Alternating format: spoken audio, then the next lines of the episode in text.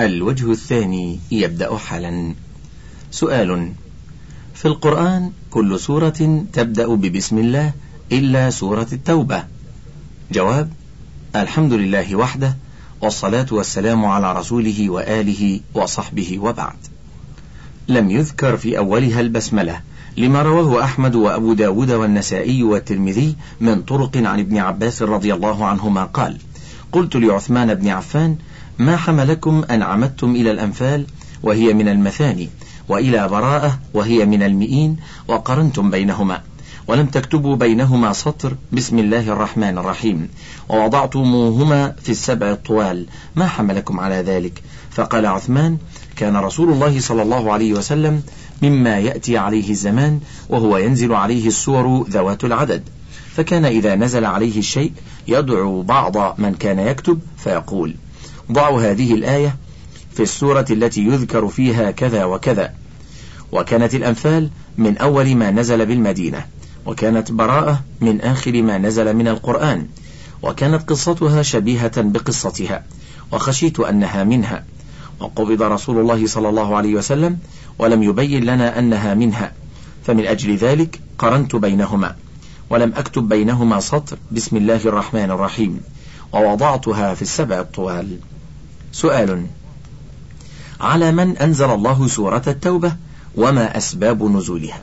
جواب لم تنزل سورة براءة جملة واحدة بل نزلت على فترات لعدة أسباب. فنزل أولها حينما عاد رسول الله صلى الله عليه وسلم من غزوة تبوك وهم بالحج. وذكر له أن المشركين يحضرون عامهم هذا على عادتهم في ذلك وأنهم يطوفون بالبيت عراه. وكره مخالطتهم. وبعث أبا بكر رضي الله عنه أميرا على الحج تلك السنة ليقيم للناس مناسكهم. ويعلم المشركين ويعلم المشركين ألا يحجوا بعد عامهم هذا. وأن ينادي فيهم براءة من الله ورسوله. فلما توجه إلى مكة أتبعه بعلي بن أبي طالب ليكون مبلغا عن رسول الله صلى الله عليه وسلم لكونه عصبة له. وبالله التوفيق وصلى الله على نبينا محمد وآله وصحبه وسلم. سؤال. ورد في سورة التوبة قوله تعالى وأذان من الله ورسوله إلى الناس يوم الحج الأكبر أن الله بريء من المشركين ورسوله. فإن تبتم فهو خير لكم. الآية. المطلوب تفسير الآية الكريمة. وكيف طريقة الإعراب عند النحويين؟ وأن يكون ضمن الجواب إعراب لأنها لازم لكل إنسان لا يلم بقواعد النحو. وأنا في مجال النحو مبتدئ ولا أكاد أحفظ الأجرومية. أفتونا مأجورين. جواب الحمد لله وحده والصلاة والسلام على رسوله وآله وصحبه وبعد. يقول تعالى وأذان من الله ورسوله أي إعلام وإنذار إلى الناس يوم الحج الأكبر الذي هو يوم النحر وأفضل أيام المناسك وأظهرها وأكبرها تؤدى فيه كثير من مناسك الحج من رمي جمرة العقبة والنحر والحلق وطواف الإفاضة مع ما يتبع ذلك من ذكر وتكبير ونحو ذلك. وقوله أن الله بريء من المشركين أي أعلم الناس وأنذرهم يا محمد. أن الله بريء من المشركين وأن رسوله كذلك بريء منهم فرسوله في الآية مرفوع قطعا. ونقلا عن القراء بالعطف على الضمير المستتر في بريء وتقديره هو يعود على الله سبحانه. وهذا هو معنى ما قاله ابن كثير عن الآية وغيره من علماء التفسير. سؤال ما تفسير قوله تعالى في الآية السبعين من سورة مريم؟ وإن منكم إلا واردها كان على ربك حتما مقضيا. جواب الورود في الآية الكريمة هو المرور على الصراط المنصوب على متن جهنم. فقد دلت الأحاديث والآثار الكثيرة على أن الصراط ينصب على جهنم ويمر الناس عليه على قدر أعمالهم. ونوصيك بمراجعة تفسير ابن كثير في ذلك لمزيد الفائدة. وبالله التوفيق وصلى الله على نبينا محمد وآله وصحبه وسلم. سورة هود. سؤال إن النبي لوطا عليه السلام كان يقصد بذلك تعالوا وافعلوا الفاحشة أي الزنا مع بنات من صلبي وإنما ورد عن المفسرين من تفسير الآية أن لوطا عليه السلام أب لجميع المؤمنات وأنه كان يقصد الزواج الشرعي يخالف ظاهر سياق الآية. ويعلل ذلك بأن الزنا أقرب إلى الفطرة من اللواط وأقل شذوذا. وبالتالي درءا لأعظم المفسدتين وهو اللواط بارتكاب أقل الضررين وهو الزنا حسب القاعدة المشهورة. فما قولكم في هذا التفسير والحكم على الشخص؟ جواب الحمد لله وحده والصلاة والسلام على رسوله وآله وصحبه وبعد. المراد بجملة هؤلاء بناتي هن أطهر لكم ندب هؤلاء الكفار إلى التزوج بالنساء ووطئهن في الحلال سواء كن بناته أم بنات قومه. فإن بنات قومه بناته حكم لكونه رسولا إليهم واجتناب اللواط والاعتداء على ضيف لوط بالفاحشة. وعلى كل حال لم يرد الإذن لهم في الزنا ببناته ولا ببنات أمته فإنه من كبائر الذنوب في جميع شرائع الله تعالى. فينزه النبي عن الإذن فيه. ومن قال إنه أذن فيه لأنه أخف من اللواط فقد أخطأ وغلط غلطا عظيما. وبالله التوفيق وصلى الله على نبينا محمد وآله وصحبه وسلم. سورة يوسف. سؤال بعد الاطلاع على تفسير القرآن لابن كثير وأيضا الجلالين وجدت في تفسير سورة يوسف أن إخوة يوسف قد باعوه. ولكن توجد مجموعة كبيرة من المسلمين هنا تعارض ذلك وتفيد أن إخوة يوسف لم يبيعوه. أرجو الإفادة بالحقيقة. وأيضا إفادتنا بالكتاب الذي يوضح هذه القصة على الحقيقة لكي أشتريه. ولكم جزيل الشكر والاحترام وجعلكم ذخرا للدين وللمسلمين. جواب الحمد لله وحده والصلاة والسلام على رسوله وآله وصحبه وبعد. الصحيح في تفسير هذه الآية أن السيارة الذين وجدوا يوسف عليه السلام في البئر هم الذين باعوه كما يفهم من السياق ومن ظاهر القصة. وهذا قول قتادة وغيره لا إخوته. وقد ذكر هذا القول عدد من المفسرين منهم القرطبي وابن الجوزي وابن كثير وابن جرير وغيرهم. وبالله التوفيق وصلى الله على نبينا محمد وآله وصحبه وسلم. سؤال عاد الإمام من مصر بعد زيارة لابنه وقال بأنه جالس العلماء هناك ولاحظ بعض الأخطاء التي يقع فيها ومثل لذلك أن في سورة يوسف قوله تعالى ولقد همت به وهم بها أنه كان يفكر أن المقصود بذلك همت به وهم بها في عمل الجنس الذي يقع بين المرأة والرجل ولكن فهم في مصر من العلماء أن المقصود غير العادة الجنسية. فهل هذا صحيح؟ علما بأن الآيات تدل أن المقصود هو عمل الجنس لولا أن رأى برهان ربه. جواب الحمد لله وحده والصلاة والسلام على رسوله وآله وصحبه وبعد. الصحيح من أقوال العلماء في ذلك أن الهم الذي وجد من يوسف عليه وعلى نبينا أفضل الصلاة والسلام هو الميل الجنسي الطبيعي الذي يوجد مع أي إنسان عند وجود سببه. وقد صرفه الله سبحانه وتعالى عنه بقوله كذلك لنصرف عنه السوء والفحشاء إنه من عبادنا المخلصين ولا يجوز صرف الآية عن ظاهرها إلا بدليل وليس هنا دليل فيما نعلم يوجب صرفها عن ظاهرها. والهم بالسيئة لا يضر المسلم إذا لم يفعل بل يكتب له بذلك حسنة إذا ترك الفعل من أجل الله كما صح بذلك الخبر عن رسول الله صلى الله عليه وسلم. وبالله التوفيق وصلى الله على نبينا محمد وآله وصحبه وسلم. سورة الحجر. سؤال ما هي السبع المثاني في القرآن الكريم؟ جواب الحمد لله وحده والصلاة والسلام على رسوله وآله وصحبه وبعد. المراد بالسبع المثاني في قوله تعالى ولقد آتيناك سبعا من المثاني والقرآن العظيم سورة الفاتحة. لما رواه البخاري عن أبي سعيد بن المعلى قال كنت أصلي فدعاني النبي صلى الله عليه وسلم فلم أجبه. قلت يا رسول الله إني كنت أصلي. قال ألم يقل الله استجيبوا لله وللرسول إذا دعاكم؟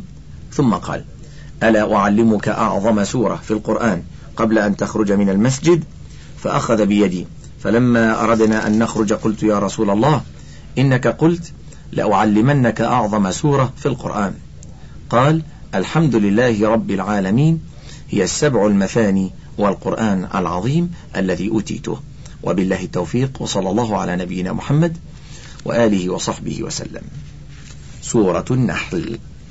سؤال. صار نقاش في تفسير الآية. فاسألوا أهل الذكر إن كنتم لا تعلمون. فمنا من قال هي عامة في أمور الدنيا والدين ومنا من قال هي خاصة في أمور الدين من كل فرائضه, فرائضه وسننه فقط. نرجو توضيح الجواب وجزاكم الله خيرا. جواب. الحمد لله وحده والصلاة والسلام على رسوله وآله وصحبه وبعد. يطلق الذكر على القرآن كما في قوله تعالى إنا نحن نزلنا الذكر وإنا له لحافظون وفي قوله وأنزلنا عليك الذكر لتبين للناس ما نزل إليهم ويطلق على اللوح المحفوظ كما في قوله ولقد كتبنا في الزبور من بعد الذكر أن الأرض يرثها عبادي الصالحون فالزبور الكتب السماوية والذكر هو اللوح المحفوظ. فحكم الله تعالى قدرا وشرعا بأن الصالحين هم الذين ينصرون في الدنيا والآخرة فلهم السعادة في الدنيا والفوز بسكنى جنات النعيم في الآخرة. ويطلق الذكر على الشرف والرفعة وعلى ذكر الناس لربهم وذكر الله لهم إلى غير ذلك من المعاني التي تبين لمن تتبع آيات القرآن ولغة العرب. ذلك كله لكن المراد بالذكر في قوله تعالى وما أرسلنا من قبلك إلا رجالا نوحي إليهم فاسألوا أهل الذكر إن كنتم لا تعلمون بالبينات والزبر. سورة النحل. وفي قوله وما أرسلنا قبلك إلا رجالا نوحي إليهم فاسألوا أهل الذكر إن كنتم لا تعلمون. وما جعلناهم جسدا لا يأكلون الطعام وما كانوا خالدين. ثم صدقناهم الوعد فأنجيناهم ومن نشاء وأهلكنا المسرفين. سورة الأنبياء. المراد في الآيتين الكتب المنزلة على الرسل قبل نبينا محمد صلى الله عليه وسلم. وأهل الذكر من نزلت تلك الكتب على رسلهم كاليهود والنصارى. والمأمور بسؤالهم المشركون من أمة محمد صلى الله عليه وسلم الذين أنكروا أن يكون محمد صلى الله عليه وسلم رسولا. لكونه من البشر والرسل إنما تكون من الملائكة. ليبين لهم أهل الذكر من اليهود والنصارى أن من سبقه من الرسل إنما كانوا من البشر لا الملائكة غير أن هاتين الآيتين وإن نزلتا في أمر أولئك المشركين أن يسألوا أهل الكتب السابقة عن رسلهم ليتبين لهم أنهم من البشر فهما دالتان على أمر كل من يجهل شيئا ينفعه أن يسأل عنه أهل العلم به ليستفيد ما يعود عليه بالخير وينهض به في دينه ودنياه. فيدخل في ذلك شؤون الدين أولا وما يحتاجه من شؤون دنياه التي لها تعلق بالدين. فإن المكلف مأمور أن يعمل لدينه ودنياه. وبالله التوفيق وصلى الله على نبينا محمد وآله وصحبه وسلم. سورة الإسراء. سؤال وجدت في المسجد مصحفا ووجدت تسمية لسورة الإسراء غير التسمية التي يعرفها وهو تسميتها بسورة بني إسرائيل. ويسأل السائل عن صحة هذه التسمية. جواب الحمد لله وحده والصلاة والسلام على رسوله وآله وصحبه. وبعد. تسمية سورة الإسراء بسورة بني إسرائيل تسمية صحيحة ومعتبرة لدى أهل العلم. وبالله التوفيق وصلى الله على نبينا محمد وآله وصحبه وسلم. سؤال تفسير الآية في سورة الإسراء. فإذا جاء وعد أولاهما بعثنا عليكم عبادا لنا أولي بأس شديد. هل هي خاصة بالمؤمنين أم هي عامة؟ وهل وقعت أم لم تقع؟ جواب الحمد لله وحده والصلاة والسلام على رسوله وآله وصحبه وبعد. أخبر الله تعالى بني إسرائيل وبين لهم في الكتاب الذي أنزله إليهم أنهم سيفسدون في الأرض ويتجبرون فيها ويطغون على الناس مرتين. فإذا وقعت الإفسادة الأولى منهم سلط الله عليهم جندا من خلقه شديد البأس ذوي قوة وعدة وجبروت فتغلبوا عليهم وتملكوا بلادهم وجاسوا خلال ديارهم وساروا بين بيوتهم عقوبة لهم على طغيانهم. وكان ذلك من الله تعالى قضاء مبرما عدلا من الله وحكمة. حتى إذا تاب بنو إسرائيل وأنابوا إلى الله جعل سبحانه الكرة لهم على هؤلاء الجبارين وأدى لهم ونصرهم على عدوهم واستردوا منه بلادهم وأمدهم بأموال وبنين وجعلهم أكثر نفيرا. جزاء لهم على توبتهم وإحسانهم رحمة من الله وفضلا. فمن أحسن فله الإحسان ومن أساء فعليها. فإذا جاء وعد الآخرة فوقعت منهم الإفسادة الثانية طغيانا وتجبرا سلط الله عليهم من يسومونهم سوء العذاب. ويدخلون مسجد بيت المقدس كما دخلوه أول مرة ويدمر ما شاء الله أن يدمروه جزاء وفاقا بطغيانهم وإفسادهم في الأرض. وعدلا منه تعالى وحكمة. قال الله تعالى من عمل صالحا فلنفسه ومن أساء فعليها وما ربك بظلام للعبيد. ثم أخبرهم سبحانه بأنهم إن عادوا إلى الإفساد جازاهم من جنس صنيعهم. وزيادة في الفائدة ننصح لك بقراءة تفسير ابن كثير رحمه الله للآيات المذكورة من سورة الإسراء. وبالله التوفيق. وصلى الله على نبينا محمد وآله وصحبه وسلم. سؤال. في سورة الإسراء الآية رقم ثمانية وخمسين قال تعالى وإن من قرية إلا نحن مهلكوها قبل يوم القيامة أو معذبوها عذابا شديدا كان ذلك في الكتاب مسطورا. هل يقصد الله بالآية الأقوام السابقين أم الوقت الحالي؟ أو كل القرى في كل الأوقات. جواب الحمد لله وحده والصلاة والسلام على رسوله وآله وصحبه وبعد. الآية تعم السابقين واللاحقين ممن يرتكبون ما يوجب الهلاك. فالمعنى والله أعلم وإن من قرية ظالمة. يوضح ذلك قوله تعالى وما كنا معذبين حتى نبعث رسولا. وقوله وكم قصمنا من قرية كانت ظالمة الآيات. وقوله تعالى بعد خبره عن إهلاكه بعض من سبق من الظالمين وما هي من الظالمين ببعيد. وبالله التوفيق وصلى الله على نبينا محمد وآله وصحبه وسلم. سورة الكهف. سؤال لاحظنا في كتاب أوضح التفاسير لابن الخطيب في سورة الكهف في تفسير الآية العشرين في قوله تعالى وكذلك أعثرنا عليهم ليعلموا أن وعد الله حق وأن الساعة لا ريب فيها إذ يتنازعون بينهم أمرهم فقالوا فقالوا بنوا عليهم بنيانا ربهم أعلم بهم قال الذين غلبوا على أمرهم لنتخذن عليهم مسجدا. نأمل إفادتنا عن صحة ما كتبه المؤلف في التعليق على قوله لنتخذن عليهم مسجدا. جواب الحمد لله وحده والصلاة والسلام على رسوله وآله وصحبه وبعد.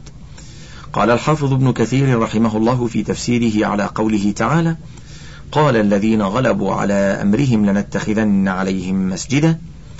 حكى ابن جرير في القائلين ذلك قولين أحدهما أنهم المسلمون منهم والثاني أهل الشرك منهم فالله أعلم. والظاهر أن الذين قالوا ذلك هم أصحاب الكلمة والنفوذ. ولكن هل هم محمودون أم لا؟ فيه نظر. لأن النبي صلى الله عليه وسلم قال لعن الله اليهود والنصارى اتخذوا قبور أنبيائهم مساجد. يحذر ما فعلوا. انتهى كلامه. والصواب أنهم مذمومون بذلك. لما ثبت عن النبي صلى الله عليه وسلم من حديث عائشة رضي الله عنها أن النبي صلى الله عليه وسلم قال لعنة الله على اليهود والنصارى اتخذوا قبور أنبيائهم مساجد. ولما في الصحيحين عن عائشة رضي الله عنها أن أم حبيبة وأم سلمة رضي الله عنهما ذكرتا للنبي صلى الله عليه وسلم كنيسة رأتاها في الحبشة. وما فيها من الصور. فقال أولئك إذا مات فيهم الرجل الصالح بنوا على قبره مسجدا وصوروا فيه تلك الصور. أولئك شرار الخلق عند الله. وفي صحيح مسلم عن جندب بن عبد الله البجلي رضي الله عنه عن النبي صلى الله عليه وسلم أنه قال ألا وإن من كان قبلكم كانوا يتخذون قبور أنبيائهم وصالحيهم مساجد. ألا فلا تتخذوا القبور مساجد فإني أنهاكم عن ذلك. والأحاديث في ذلك كثيرة. ومما تقدم يتضح للسائل أن ما ذكره ابن الخطيب في تفسيره أوضح المسالك من تجويز اتخاذ المساجد على القبور خطأ عظيم مخالف لما دلت عليه الأحاديث المذكورة وغيرها. ولما أجمع عليه أهل السنة والجماعة من أصحاب النبي صلى الله عليه وسلم وتابعيهم بإحسان من تحريم اتخاذ المساجد على القبور والبناء عليها. لما في ذلك من التشبه باليهود والنصارى ومن سلك مسلكهم. ولأن ذلك وسيلة من وسائل الشرك الأكبر. وبالله التوفيق. وصلى الله على نبينا محمد وآله وصحبه وسلم. سؤال ما هو التفسير الصحيح لقوله تعالى وقل الحق من ربكم فمن شاء فليؤمن ومن شاء فليكفر. جواب الحمد لله وحده والصلاة والسلام على رسوله وآله وصحبه وبعد. التفسير الصحيح لذلك هو أن الله تعالى ذكره يقول لنبيه محمد صلى الله عليه وسلم وقل يا محمد لهؤلاء الذين أغفلنا قلوبهم عن ذكرنا واتبعوا أهواءهم يا أيها الناس هذا الذي أتلوه عليكم هو الحق الذي أنزل علي من ربكم وإليه التوفيق والخذلان وبيده الهدى والضلال يهدي من يشاء منكم للرشاد فيؤمن ويضل من يشاء عن الهدى فيكفر ليس إلي من ذلك شيء. ولست بطارد من أجل هواكم أحدا ممن كان للحق متبعا. وبالله وبما أنزل علي مؤمنا. فإن شئتم فآمنوا وإن شئتم فاكفروا. فإنكم إن كفرتم فقد أعد الله لكم على كفركم به نارا أحاط بكم سرادقها. وإن آمنتم به وعملتم بطاعته فإن لكم ما وصف سبحانه لأهل طاعته. وليس المراد من هذا إباحة الله تعالى الكفر لمن شاء. والإيمان لمن شاء وإنما هو تهديد ووعيد. وقد دل على هذا ما ذكره تعالى بعد في ختام هذه الآية من توعدهم بالعذاب الشديد وما جاء في الآيتين بعدها من تبشير المؤمنين بجنات النعيم. ارجع إلى تفسير الإمام ابن جرير الطبري رحمه الله لهذه الآية والآيتين بعدها من سورة الكهف أو تفسير ابن كثير لها وفيهما الكفاية. وبالله التوفيق وصلى الله على نبينا محمد وآله وصحبه وسلم. سؤال يتضمن أن المستفتي يذكر أنه يقرأ القرآن من سورة الفاتحة إلى آخر سورة الإسراء وهو في عافية. فإذا بدأ في قراءة سورة الكهف مرض وأغمي عليه فلا يفيق إلا بعد سبع ساعات تقريبا. وإذا أفاق قرأ سورة مريم حتى سورة الناس ولا يصيبه شيء إلا من قراءة سورة الكهف. فلذا ترك قراءتها مدة ثلاث سنوات. ويسأل هل عليه في هجرها إثم أو يجوز له أن يتركها؟ وكيف يحل مشكلته؟ جواب الحمد لله وحده والصلاة والسلام على رسوله وآله وصحبه وبعد. القرآن كلام الله تعالى فيه الهدى والنور والشفاء لما في الصدور من قرأه بإخلاص وتدبر آياته وعمل بما فيه من أحكام آتاه الله بصيرة في دينه وقوة في يقينه ودفع عنه كيد الشياطين. وكان النبي صلى الله عليه وسلم يعوذ نفسه عند النوم بقراءة السور الثلاث قل هو الله أحد وقل أعوذ برب الفلق وقل أعوذ برب الناس.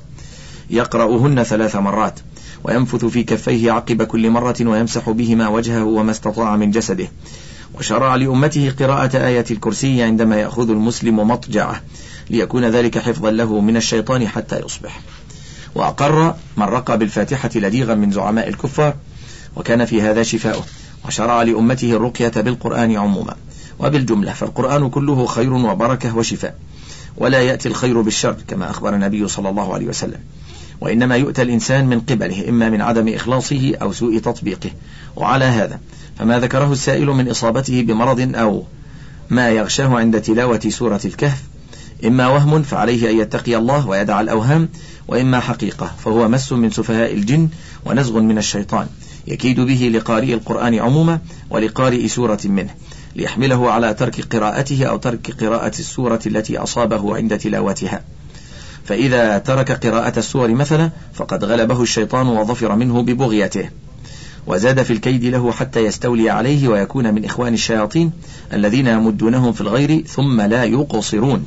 وطريق الخلاص من ذلك الاستعاذة بالله من الشيطان الرجيم بإخلاص وصدق لهجة في اللجء إلى الله والفزع إليه ليحصنه من الشياطين. وبذلك يكون من المتقين لا من إخوان الشياطين. وقد أرشدنا الله إلى ذلك في عموم قوله وإما ينزغنك من الشيطان نزغ فاستعذ بالله إنه سميع عليم. إن الذين اتقوا إذا مسهم طائف من الشيطان تذكروا فإذا هم مبصرون وإخوانهم يمدونهم في الغي ثم لا يقصرون. فعليك أيها السائل أن تستعيذ بالله من الشيطان عند بدء قراءة القرآن عموما مع إخلاص وضراعة قلب وصدق في الالتجاء إلى الله. ولا تهجر سورة الكهف ولا غيرها لما أصابك. فإن في مخالفة الشيطان وما يلقيه في القلب من وهن ووساوس وأوهام كبتا له وإحباطا لكيده. وأبشر بأن الله معك فإن الله مع الذين اتقوا والذين هم محسنون. وبالله التوفيق وصلى الله على نبينا محمد وآله وصحبه وسلم. انتهى الشريط الخامس والأربعون من فتاوى اللجنة الدائمة للبحوث العلمية والإفتاء من جمع وترتيب الشيخ أحمد بن عبد الرزاق الدويش. لازلنا مع التفسير وله بقية على الشريط السادس والأربعين.